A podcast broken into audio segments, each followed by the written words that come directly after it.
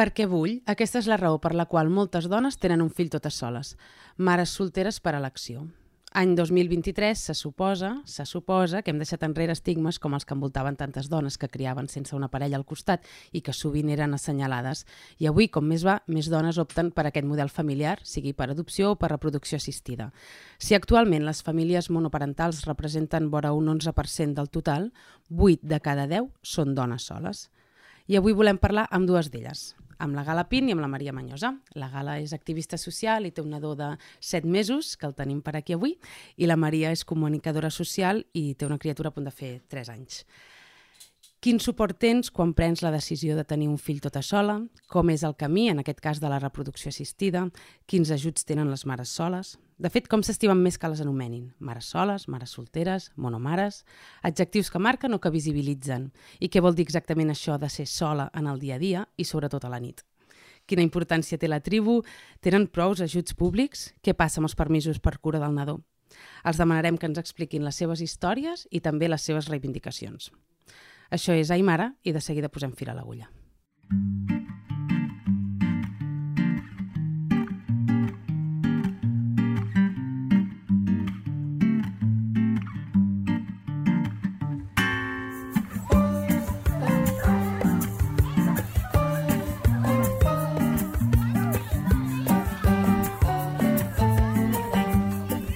Ai Mare, el podcast sobre maternitats de VilaWeb, amb Bel Savalla.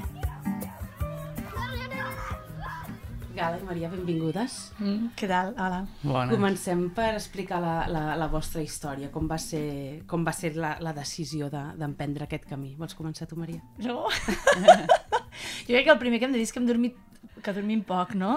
Total. I que fer frases llargues i subordinades a vegades costa. Dit això, um, com va ser la decisió? Doncs jo no, no recordo com va ser la decisió. Jo crec que era una decisió que ja tenia, que havia pres en el passat, quan no tenia parella, després vaig tenir parella, vaig tenir un diagnòstic d'infertilitat, ens vam separar i jo ja tenia com clar que volia ser mare. Per mi va ser, la decisió va ser com, no? Com, com, com, com seria mare. I vaig explorar algunes, alguna, alguns camins i algunes possibilitats. Eh, al final vaig acabar anant a una clínica privada, una de les primeres contradiccions de la vida que m'he hagut de menjar um, com una granota i perquè he volgut.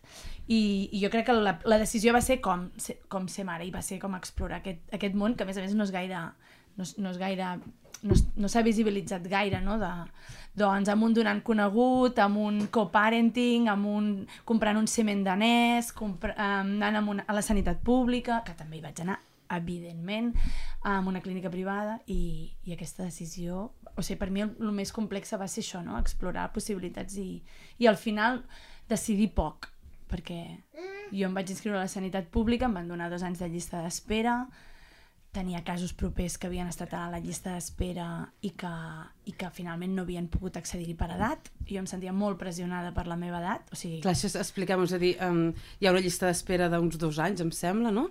I hi ha una edat màxima a la qual et pots apuntar aquestes llistes. Sí, i, i també unes característiques físiques que quan arribis hauran de valorar si...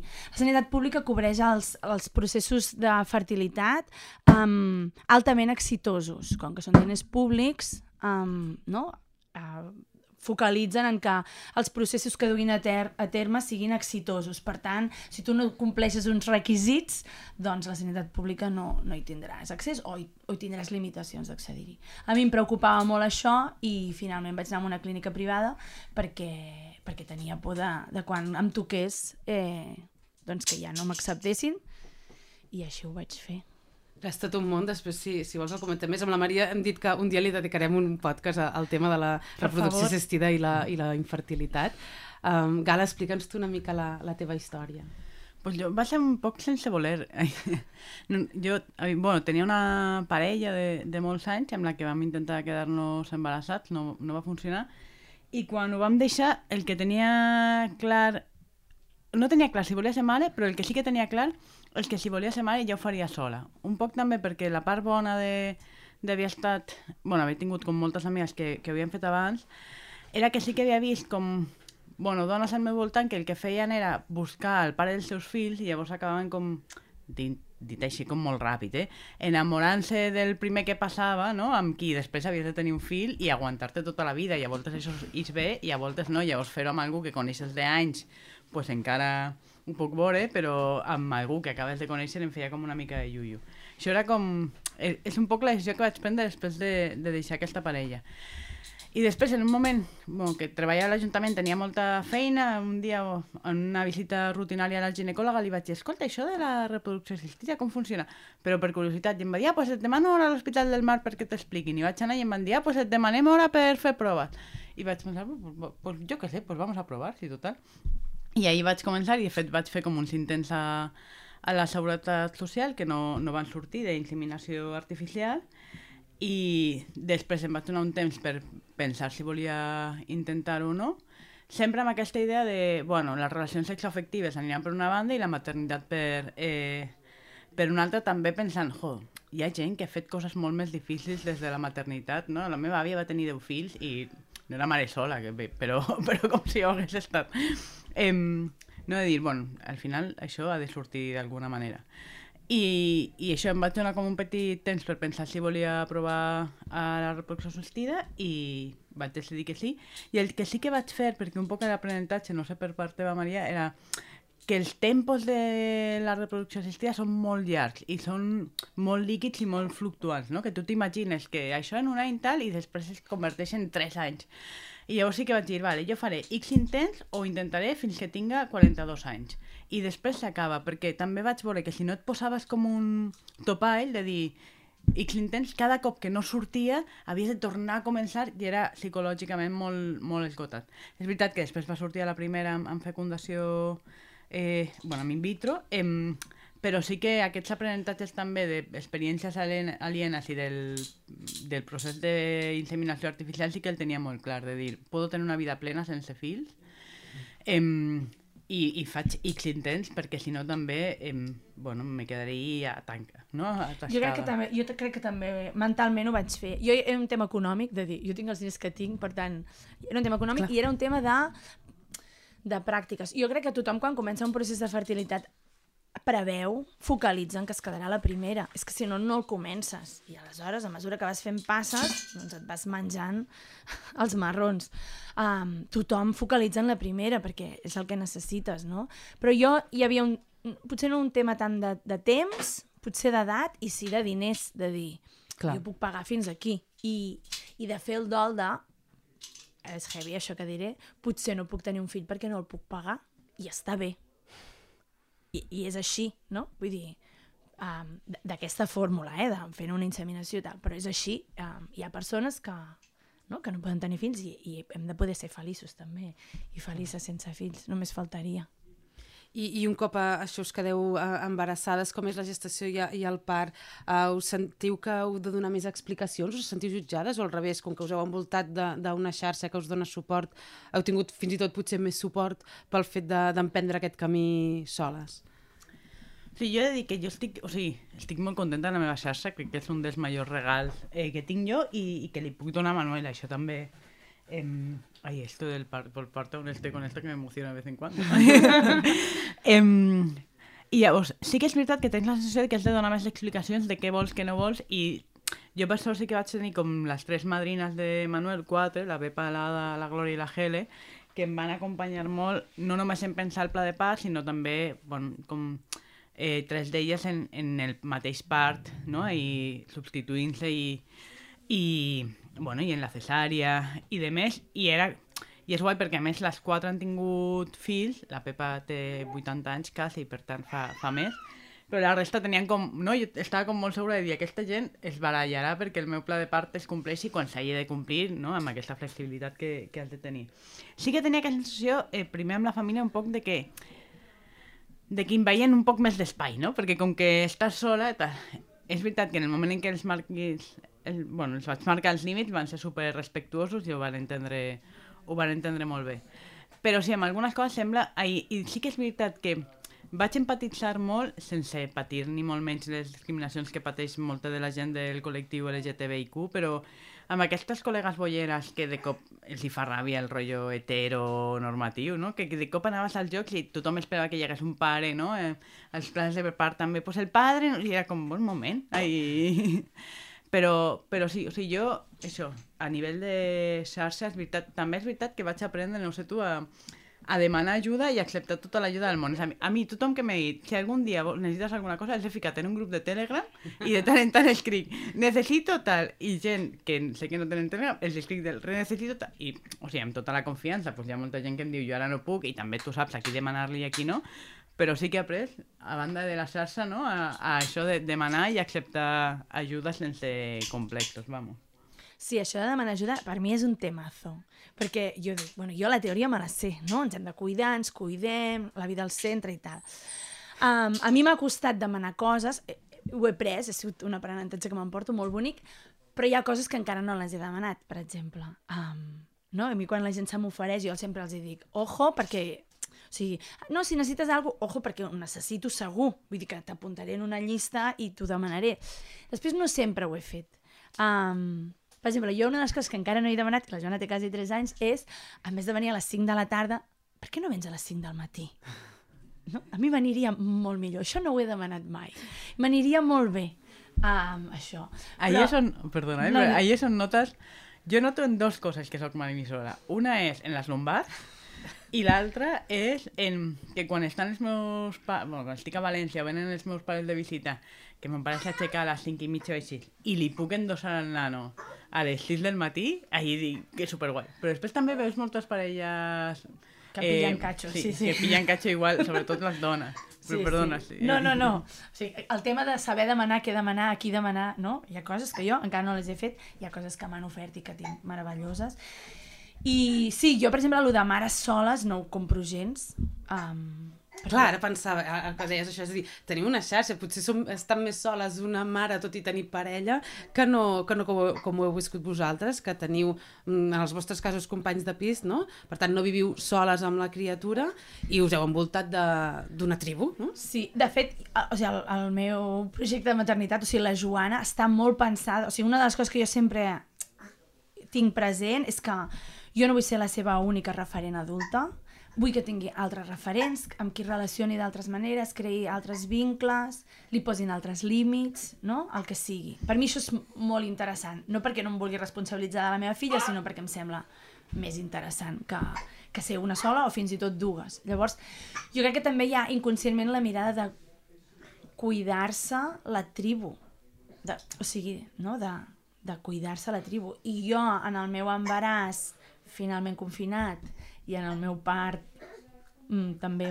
prou, prou confinat i tal, la tribu hi va ser, sí, clar, um, i va ser pues, el, el, bueno, doncs em van cuidar, em van sostenir i, i, i són els que em van aguantar des d'un lloc molt bonic també, eh? Molt... i ara ell parlava del seu pla de partal, a mi em va acompanyar la meva amiga Marta que havia tingut dos, bueno, que té dos fills eh, que es va saltar, ara ja es pot dir, no? que es va saltar el confinament municipal perquè no viu a Barcelona. I, i va, venir, va venir a acompanyar-me a Parir, em semblava un motiu prou de pes com tenir l'acompanyant al part que jo, que jo havia triat, però clar, jo, per exemple, vaig fer el curs de preparació al part online, que a mm. dia d'avui es, es veu el més normal del món, però fa 3 anys, o sigui, ningú, ningú tenia previst fer un curs de preparació part. Llavors el vam fer ella i jo online, ella connectant-se des de casa seva jo connectant-me des de casa meva, que ella ja s'ho sabia perquè ja ha parit. O sigui que la tribu, i jo sabia que, no, el que deia ella, jo sabia que la Marta lluitaria al meu pla de part, estava, érem un equipo, bueno, vam ser un equipo perquè el meu part va començar un dilluns i va acabar un divendres, durant quatre dies, no, no, no de contraccions ni de res, eh? de, de procés de posar-se de part, va ser, després el part va anar molt bé, molt ràpid, um, però vull dir que va ser un, un sosteniment molt potent, molt, molt bonic, molt, pre, o sigui, molt acompanyat, i després en el postpart també, jo me'n vaig anar una setmana a casa dels meus pares, perquè a casa meva ja havien sostingut molt, a casa meva on visc. A casa teva on vius hi ha tres adults més. Tres adults més.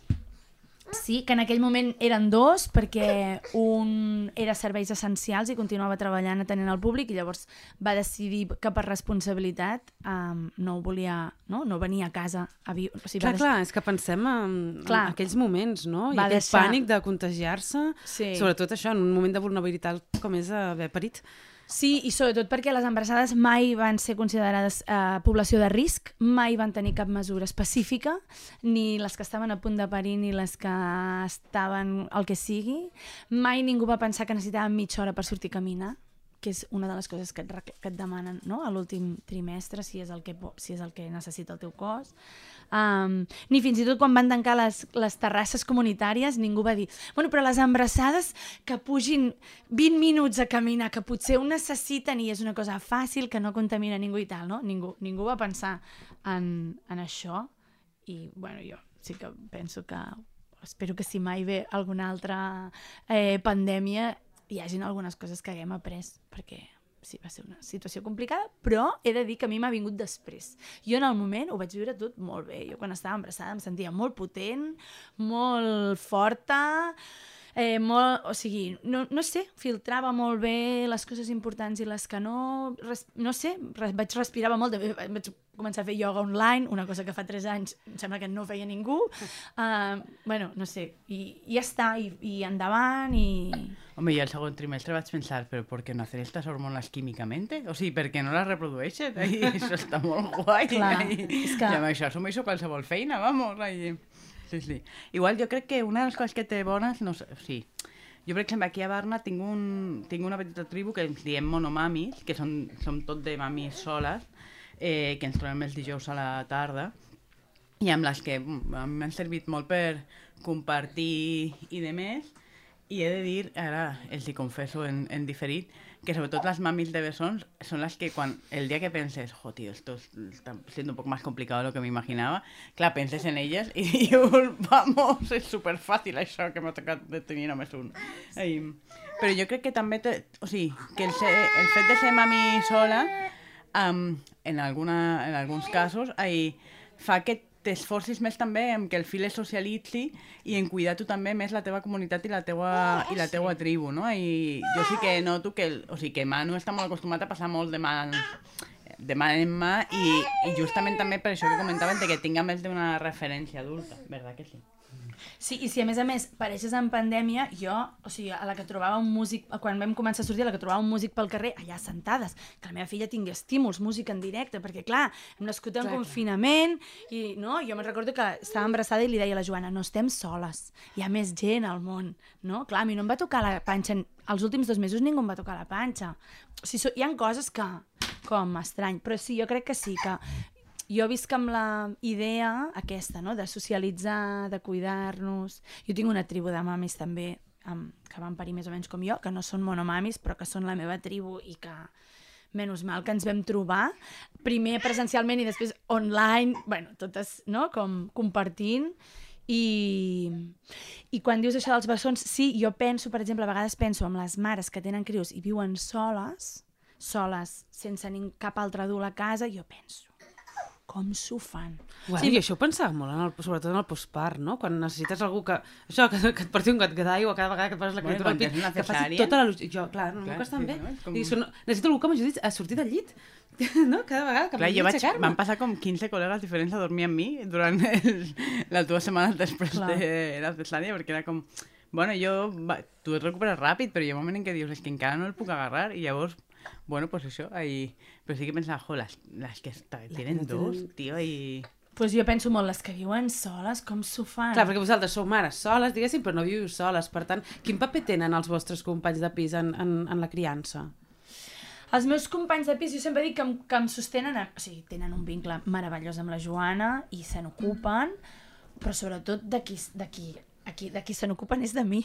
Jo dic que fa 3 anys que no compro paper de vàter i que per mi una de les coses més meravelloses és aconseguir que la Joana s'adormi, ara ja no, però quan era més petita, complicat, i sortir i que el Pep hagi fet una truita de patates, no? I que i que algú hagi buidat el rentaplats i hagi la taula parada i jo quasi que ploro de l'emoció d'això, no? Per mi això és meravellós.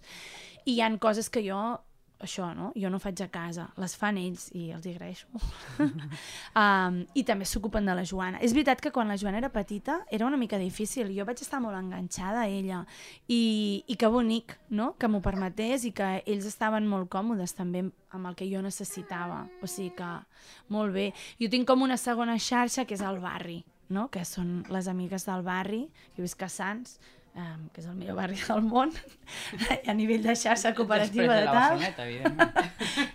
I, i per tant, clar, em sento molt acompanyada. I, i, i m'ha passat algunes coses, que he fet algun SOS d'estar sola a casa, perquè els meus companys de pis tenen casa, tenen feines, tenen parelles, no? tenen oci, i de fer un SOS de dir, per favor, que algú, al, hi ha algú que em pugui venir a ajudar a canviar els llençols, perquè la Joana està malalta, té vomitat, no sé què, i venir una veïna, no? veïna, la Dora, que és una veïna, i venir. O la, o la Èlia, Èlia, pots venir a fer-me una sopeta per la Joana, perquè jo em trobo malament, perquè no sé què, i venir, clar.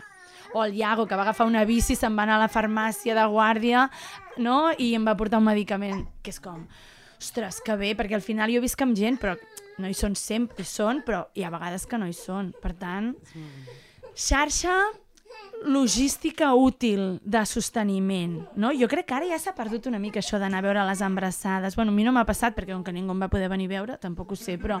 Um, o sigui, ningú que saltés el confinament, no sé què, no sé quantos. Um, ja, ja no passa, no?, això d'anar a veure les embrassades i no fer res. Bueno, ara la gent a mi, quan ve a casa, fa coses, no sé. O sigui, fa A mi em coses. passa com a tu, també estava Depèn de l'edat. Ja. Depèn de l'edat de la visita. Ja. Ja. I, El, què, els joves ho tenen més interioritzat? sí, i la gent de més de mm, 50, 60, 70... Uh, Ah, no el Manu ha agafat un moment el micròfon, Sí, que no passa res. Perquè vol parlar també. Usted no tenía hambre. coses, Vol dir coses, el Manu. no tenías hambre, amor. Ay, no, claro que has descubierto un cable. Ja, un potser moment. sí, depèn de l'edat. Jo, afortunadament, tinc una tribu també de dones grans, d'àvies uh, de la Joana, que estan molt en la línia i, i que fan sopetes i canvien llençols i, i regalen hores de canguratge, o sigui que... Això és molt preuat. Sí, o sigui que meravellós. Sí. I us, us imaginàveu més o menys com ho esteu vivint? pues mira, jo saps que no m'ho No t'ho imaginava. imaginaves, Jo ja. tampoc. És com aquesta sensació de que no, és- no, que és igual que això que dèiem abans de ja no me'n recordo quan tenien set mesos, pues a mi em costa... O sigui, crec que una de les coses que et dona la maternitat és aquest presentisme, no? Totalment. O sigui, com que de cop és, tota l'estona és aquí i ara. I, I en aquest sentit a mi em costava molt projectar-lo. És veritat que sí que projectava que viatjaria més en el sentit de pensar, ai, pues, clar, jo pensava, quatre mesos, i innocent de mi, pensava més que aconseguiria els quatre mesos de permís de paternitat. I llavors pensava, ui, pues me n'aniré a Cabo a visitar aquells col·legues que també tenen una filla i no sé què. Jo pensava anar a Mèxic a visitar una amiga que estava fent un doctorat. Jo pensava, pues de mochila, pues con la Clar, niña, sí, pues eh. clar, pues, qui, Sí, sí. quin és el problema? Sí, jo només projectava coses que després te n'adones de que no són massa realistes, que es podrien haver fet, però tant. Però a més jo projectava sobretot aquesta confiança en que evidentment ens donarien el permís de paternitat i en lloc de 4 mesos tindríem 8 mesos perquè com podria ser que mi hijo no tuviera 32 setmanes de cuidados, no? I Ja. això sí que aquesta part que era, era menys realista encara que pensar en anar una Sí. setmana a cabo de, de gata, vamos, ahí. Jo he de dir que amb això dels permisos vaig sol·licitar-ho, no, no, evidentment, com tothom, però, però he de dir que la feina on jo treballo, um, l'em- l'empresa, la- l'organització, um, em pa paga dos mesos de, de sou per, per arribar als sis mesos que, que recomana l'Organització Mundial de la Salut de lactància. Sí, vull dir que hi ha, em- les empreses hi ha coses, o sigui, els convenis es poden millorar i en el meu cas um, jo tenia això, o sigui, de, de sabia que, que, que tindria les 16 setmanes i després fins a 6 mesos uh, de, de lactància, o sigui, de permís, que clar, això va ser meravellós, que, bueno, que algú m'expliqui quan un bebè té 6 mesos també, Que... vull dir, on el deixes, fas? amb qui el Sí, deixes sí. i com et separes i tal. Però, això, Almenys jo- vas fer dos mesos més. Perquè clar, recordem que vosaltres teniu els 16, les 16, setmanes, però que no són 4 mesos, que no 16 són 4 setmanes, mesos, diguem, són 3 setmanes i 20, i 3 setmanes i... Ai, 3 mesos i 20 dies, exacte. Sí. I, I no teniu mm, Ja els està. 16, les 16 setmanes que tindria el, que tindria dret la criatura si tingués A ser un altre cuidada. progenitor. Clar, Correcte. el tema és aquest, no? Clar. O sigui, és, no és tant si tu ho tens o no, ai, sinó la discriminació respecte als nadons. O sigui, perquè al final és per què per tenir una altra tipologia de família el meu nadó no té 32 setmanes de cures eh, que sí que té una, un nadó d'una família biparental. Jo crec que aquest és el gran tema, no? perquè tu al final...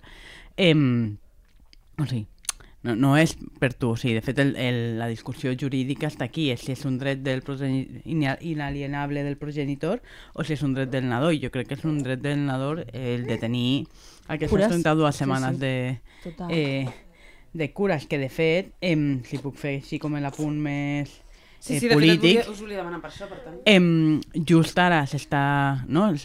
Juraria que s'ha aprovat al Consell de Ministres el, la llei de famílies, que totes esperàvem que això ho incorporés. Podemos diu que, em, que el PSOE no ho vol incorporar i per tant no està incorporat. Eh, jo que, tinc entès que Esquerra Republicana, eh, Bildu i gran part dels partits de, no, del pacte d'investidura, com se diguen, eh, sí que ho veuen i jo espero que al final quan arribi al, al Congrés s'incorpori, que, que hi hagi aquestes 32 setmanes. Més res que res, perquè hi ha com dues... Eh, hi ha dos moments que jo crec que, que són... Eh, bueno, que, que marquen... que mostren clarament la... Gràcies.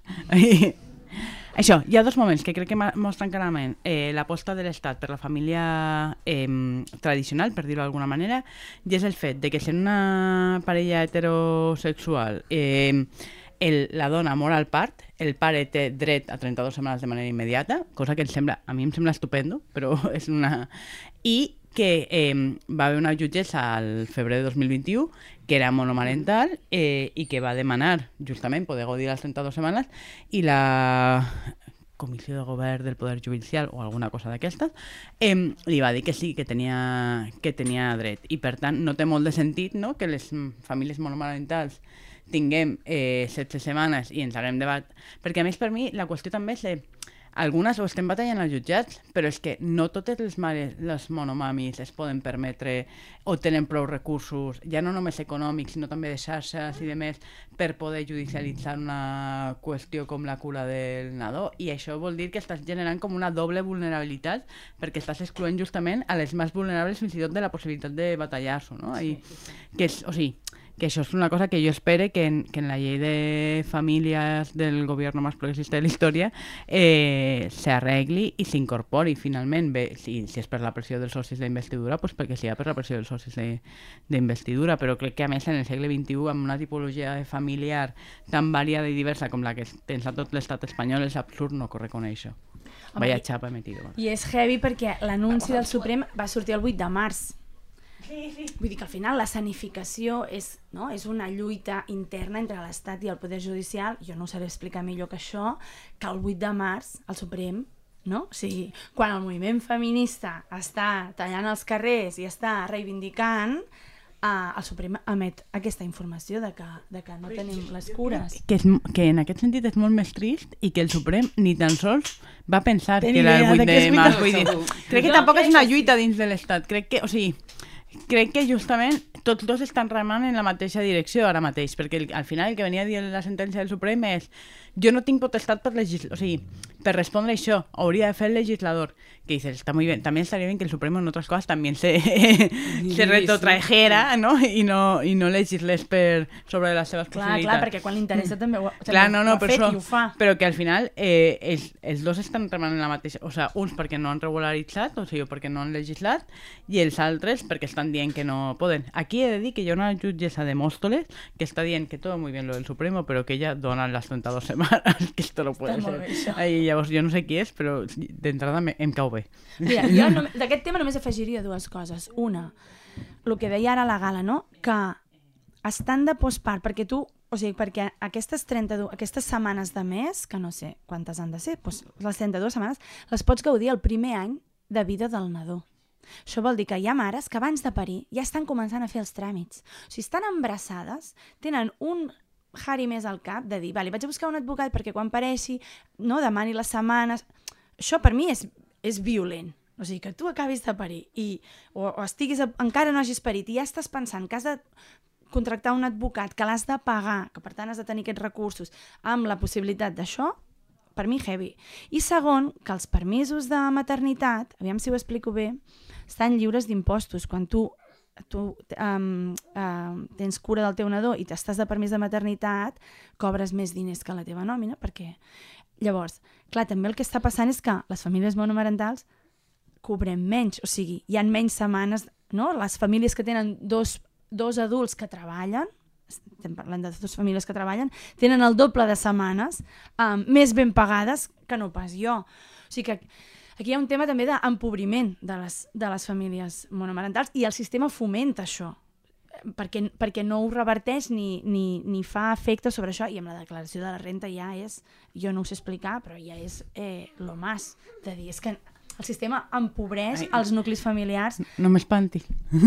que serà la meva primera declaració de la renta. Que te la faci algú, que no, que no hagis de pagar, que te la faci un col·lega. En el grup aquest de Telegram els preguntes aviam si algú... No, però o sigui, al final la, les retencions i els desgravaments que es poden fer les famílies que són dos progenitors són percentualment majors que les que som, som unes i això ens empobreix. I, i això ningú li, bueno, ningú li importa. Sí, ningú li importa. Sí, però per mi, jo insisteixo en la part de crec que, de fet, les monomamis més visibles som la gent com nosaltres que hem decidit, no? que hem tingut recursos, xarxes i demés, però segura, o sigui, la veritat que no, no tinc les dades, però tinc, sí que tinc la intuïció, perquè vas veient, de que la majoria de monomamis... Un moment. Sí. O sigui, sí que tinc la sensació de que la majoria de, de monomamis eh, no és gent que té com no? aquesta motxilla cultural de classe mitja i prou recursos. I per mi lo greu és, ostres, l'Estat justament per preva perquè prevalgui aquest principi d'universalitat, verdad que sí, amor? Eh, el que hauria de fer és cobrir les que estan les últimes, per entendre'ns, no? per, per dir-ho d'alguna manera així com molt, molt poc fina. Eh, I per mi aquest és el greu.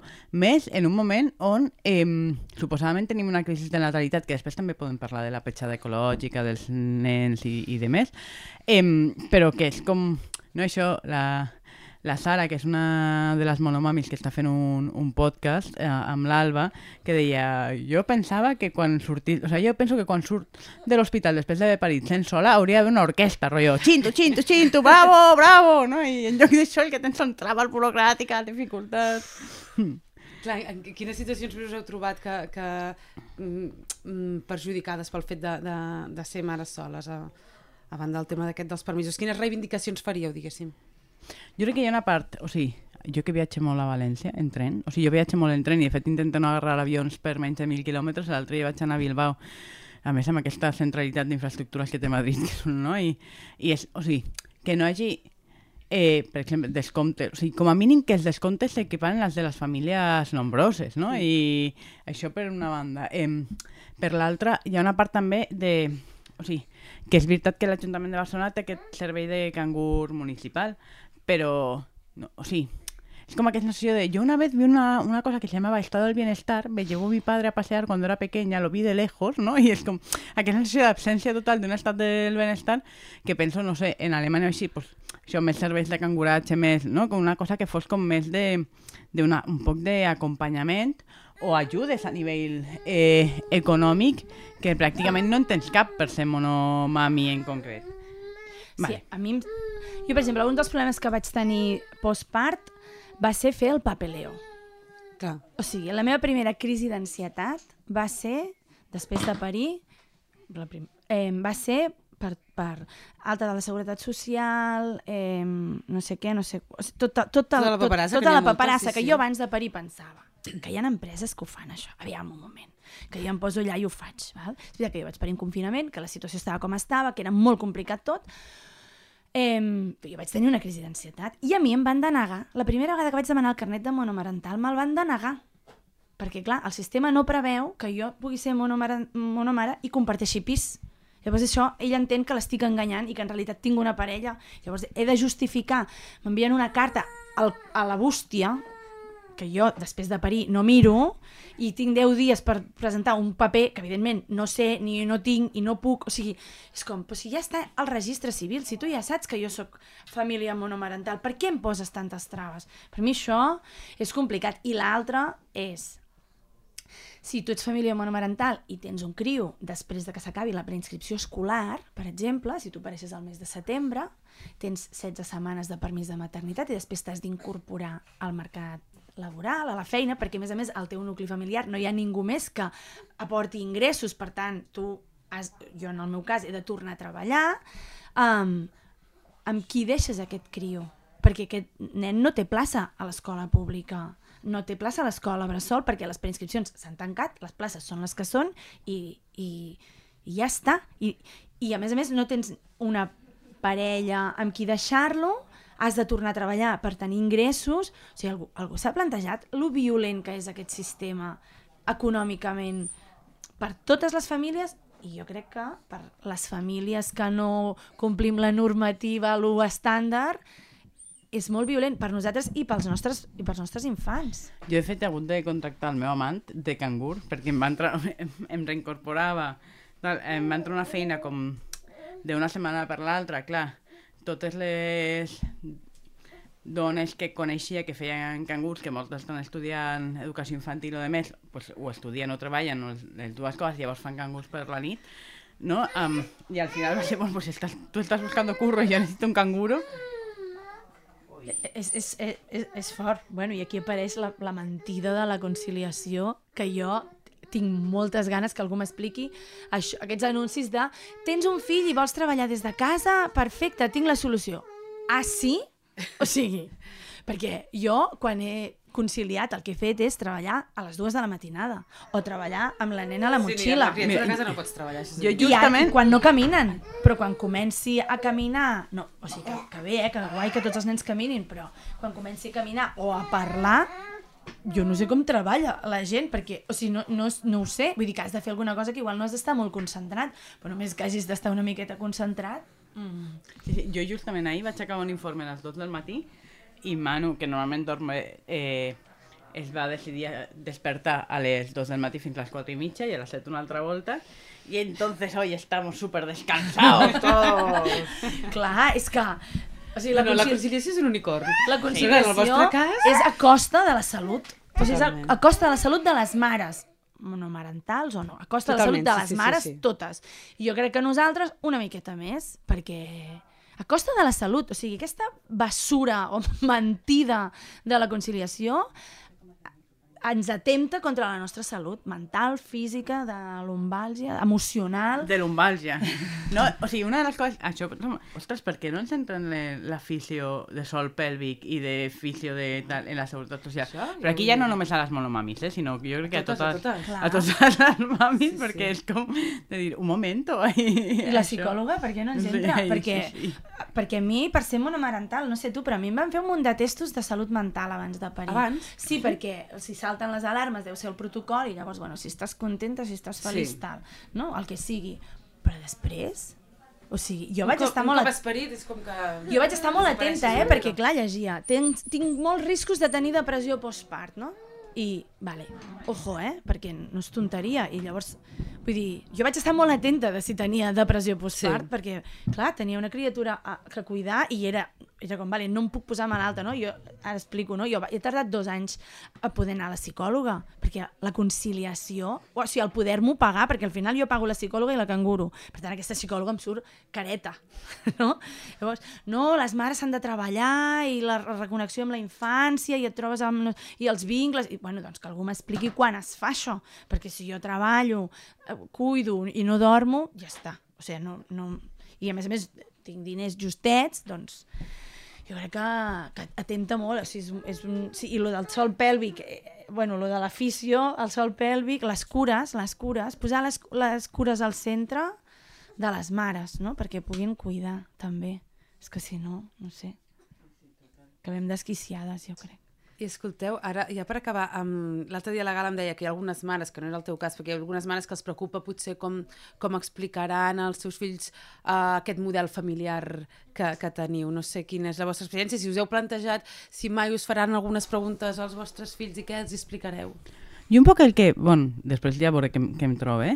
Però sí que pensava, ostres, eh, crec que justament eh, segle XXI, any 23, Barcelona, eh, crec que tindrà molt, moltes tipologies de família al voltant, espero que els tinga, però crec que sí que és important pels nens de famílies, o sigui, de mami soles, i en general, que ell sàpiga quina és la seva història, no? I en aquest sentit, doncs jo què sé, jo li vaig fent un àlbum de fotos um, analògiques que, vaig, bueno, que he fet un cop i que vull actualitzar cada sis mesos, llavors ara em toca actualitzar-lo. Eh, després pues, pensava, ostres, la primera volta que em pregunti pues, li faré una festa amb tota la gent que ha estat al seu voltant, no? ocupant-se d'ell des de que vaig estar embarassada fins que tinga 8-9 anys quan, o 6, quan em faci la pregunta. No? Um, o també aquesta sensació de, de bueno, tenir com famílies extenses que no són biològiques.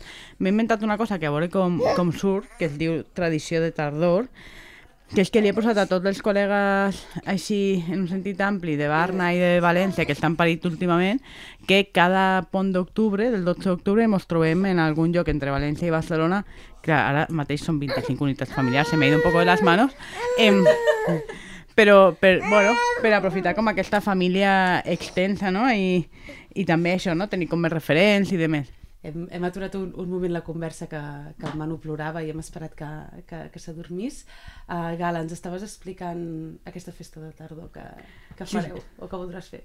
Sí, no deia això, no? que jo crec que, que per mi és important que tinga un relat més que explicar-li per què no té pare i que tinga com diferents eh, referents que comentava abans també i llavors m'he inventat aquesta tradició de tardor on he convidat els col·legues de València i de Barna que estan ara eh, criant, a que ens trobem cada 12 d'octubre, cada pont de 12 d'octubre en un lloc entre València i Barcelona. És veritat que de moment se m'ha anat un poc de les mans i que són 25 o 27 unitats familiars. Jo suposo que després alguna es donarà de baixa. Però sí, la idea és que quan tinga 15, 20, 30 anys, diga, ostres, aquests són els amics de els ponts del 12 d'octubre que ens trobàvem cada cop i segurament doncs, un any serem tres unitats familiars i un altre serem 25. Em, però això jo crec que, que més que explicar-li com no té pare, que crec que s'ha de naturalitzar i dir-li, mira, jo vaig anar a un lloc, tal, per, eh, fer, fer... Després ja volem que li expliques què és la fecundació in vitro, no? I, però, però jo crec que se li ha d'explicar tal qual. A mi el que el que m'agrada pensar és que li puc donar com un relat i en el, en el sentit també del que pensàvem, del que parlàvem al principi, no? Que, que per mi un dels grans regals que li puc oferir és la xarxa que tinc al meu, al meu voltant, no? I en part també, pues, eh, oferir-li aquest regal construint la xarxa també amb ell i permetent-li que ell se, se construeixi la seva pròpia. Mm. Jo, la Joana té quasi 3 anys i no, sempre havia pensat que li explicaria tal qual i ja està. I de fet ja ho he fet. Um, perquè s'ha donat doncs, els contes, una cosa molt senzilleta, no? la mare va anar a una clínica, tampoc ella... Però sí, jo ja ho he fet, com pel seu subconscient. A mi el que, el que m'ha agradat més que m'ha passat és que ella no m'ha preguntat pel seu pare, perquè no, no, no el troba a faltar, no, bueno, no, no té i ja està. Però la seva amigueta Ona sí, no? Un dia em va preguntar, i el papa de la Joana? Va ser molt interessant perquè jo no estava com preparada perquè passés això. I també m'ho va preguntar una mare de l'escola. Escolta, tu com li expliques a la Joana? Perquè jo li ella em va dir, jo li he d'explicar al meu fill, perquè el meu fill em pregunta, i tal, i jo li vaig dir, doncs mira, la Joana té el Pep, l'Amanda i la Maria, que són els meus companys de pis. O sigui, jo intento posar bueno, jo poso la mirada en el que sí que tenim, perquè al final les persones ens definim per allò que sí que tenim, no, no per allò que, que no tenim. Um, I la Joana té, té tota aquesta gent, aquesta família extensa. I aleshores, per mi ha sigut interessant, de, quan l'Ona, per exemple, aquesta nena d'ara quasi 3 anys, em va preguntar i el papa de la Joana? Li vaig dir, doncs mira, la Joana viu amb el Pep, no té pare... I ella, clar, doncs què fa una nena? Doncs pues molt bé, doncs pues, xau, vull dir, ja està, vale, gràcies, no? M'has contestat i ja ho tinc.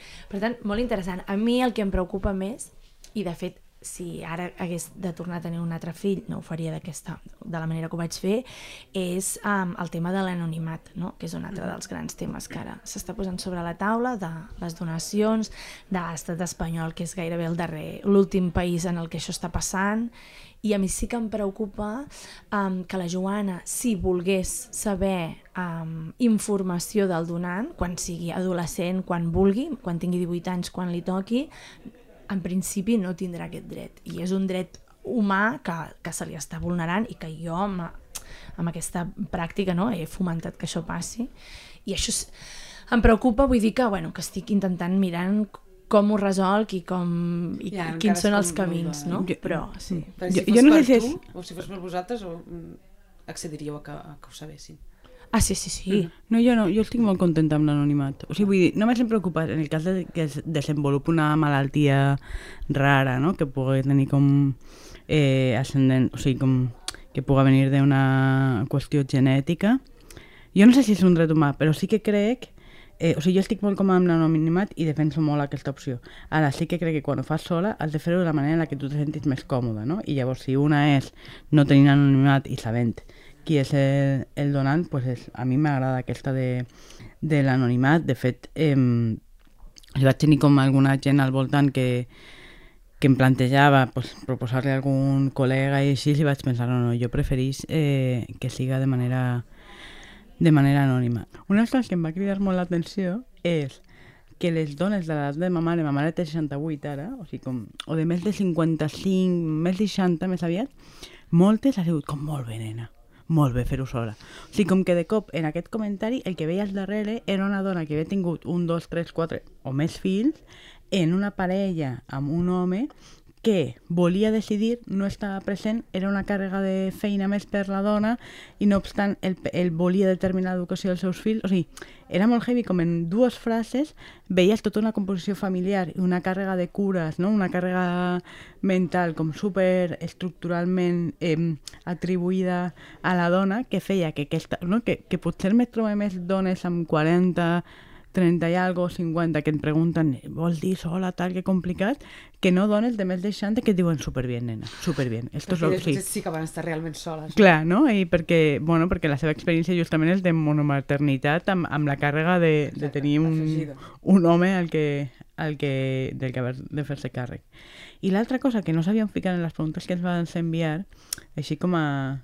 Es, pot donar consells per futures monomamis? O, o, o sigui, jo vaig decidir això de que volia ser mami sola i que les relacions sex- sexoafectives anirien per una banda i la maternitat per una altra.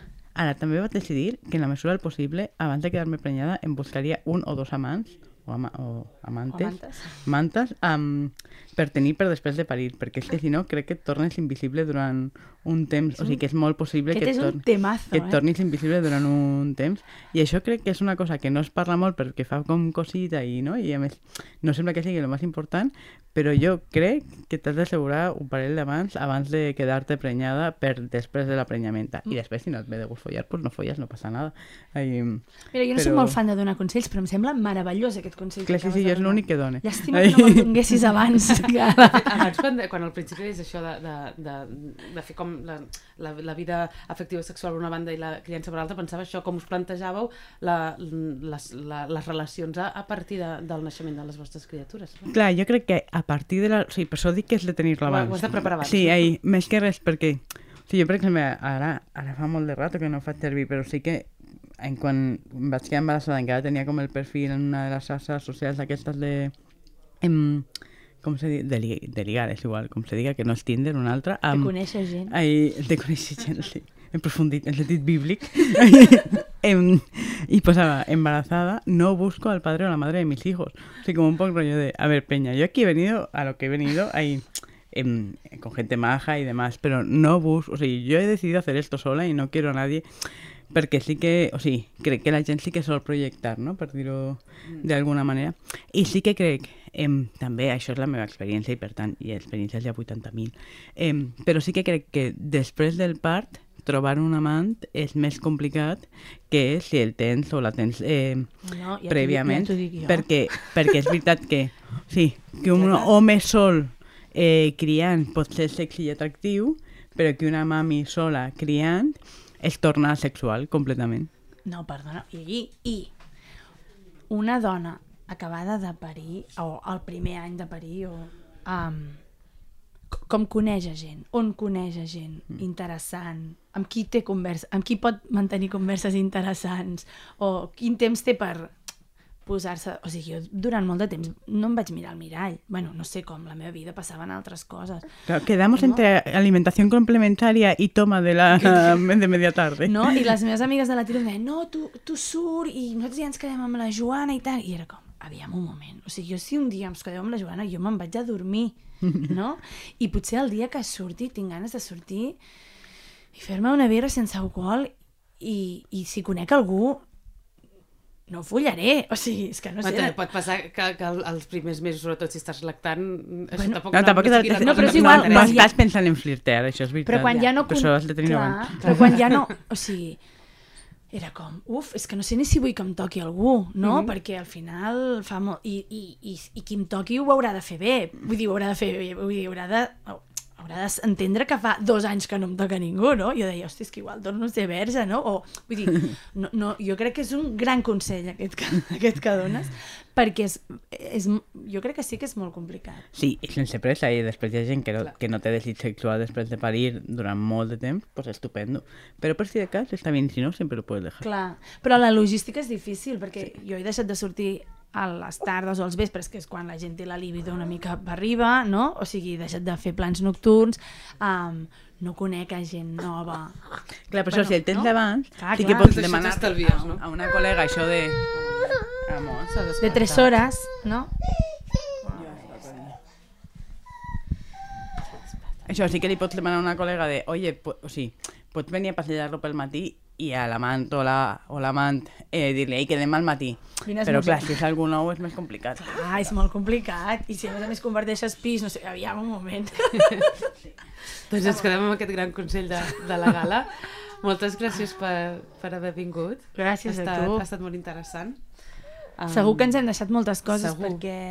No, amb la Maria tenim pendent de, de No, i d'altres, no? I, sí, Bueno, i al final jo crec que cada experiència de maternitat no és una... O sigui, hi ha com tipologies, però que cadascuna té la seva experiència de maternitat, que és de les que jo almenys aprenc molt de les experiències de maternitat de, de col·legues conegudes i, i amigues. Però bueno, crec que està molt bé poder anar parlant de això, pues en el nostre cas de que, com és això de ser monomamis per si algú li serveix i també per dir, jo penya, hi ha moltes tipologies de família. Sí, una mica, no, no per ser referents de ningú, però jo no coneixia tanta gent abans. O sigui, ara tinc com la sensació que, que quan, una mica quan ja hi ets, no? estic en un grup de 60 monomarentals de Barcelona, no sé, o sigui, una cosa forta, no?, de dir, vale, són moltes, i, i jo crec que hi ha una part d'aquest procés, com a mínim quan jo el vaig viure, una mica clandestí, o que hi ha molta gent que el viu en la clandestinitat, no? en la solitud, en la tristesa, en l'angoixa, en com s'explica... El, el segon, jo de fet m'he donat fins la tardor per pensar si vol tenir un segon o no, perquè si hagués començat abans eh, sí que en tindria un altre o dos més. I, I crec que el fet del segon fil és una de les coses que ara, o sigui, és de les que costa més perquè la gent no acaba no del joder, ja tienes uno sola, vols tenir un altre? Sí, mira, justament l'altre dia una amiga meva deia no, que, que la gent li pregunta per què no va pel segon, ella té una parella, uh, home i un fill, i, i ha tingut dos avortaments espontanis, i llavors ella ho està dient, mira, no tinc un altre fill, perquè de moment n'he perdut dos, no?, entre mig, i, i, bueno, i jo li vaig dir, hòstia, a mi no m'ho pregunta ningú si vull un segon fill. Donen per fet que, sí, que amunt ja, ja has fet. No? Clar, ja... i, i, i, i és igual de violent, no? O sigui, deixem de preguntar primer, però a mi no m'ho pregunta ningú i el dia que vulgui... Jo sé que vull tenir un segon fill, aviam com m'ho faig. Um, hi, ha aquest tema, eh, de, de com te, quina acceptació social tens i quina anticipació, no? De, de, com expliques les coses anticipant el que et puguin dir al final per protegir-te, per curar-te, el que sigui. No sé. Doncs noies, moltes gràcies. Ens, ens seguim per les xarxes. convidar-nos. Gràcies. Heu escoltat Ai Mare, el podcast de VilaWeb sobre maternitats, conduït per Bel Savalla, amb Carles Garcia a la part tècnica i a les veus, Carla González.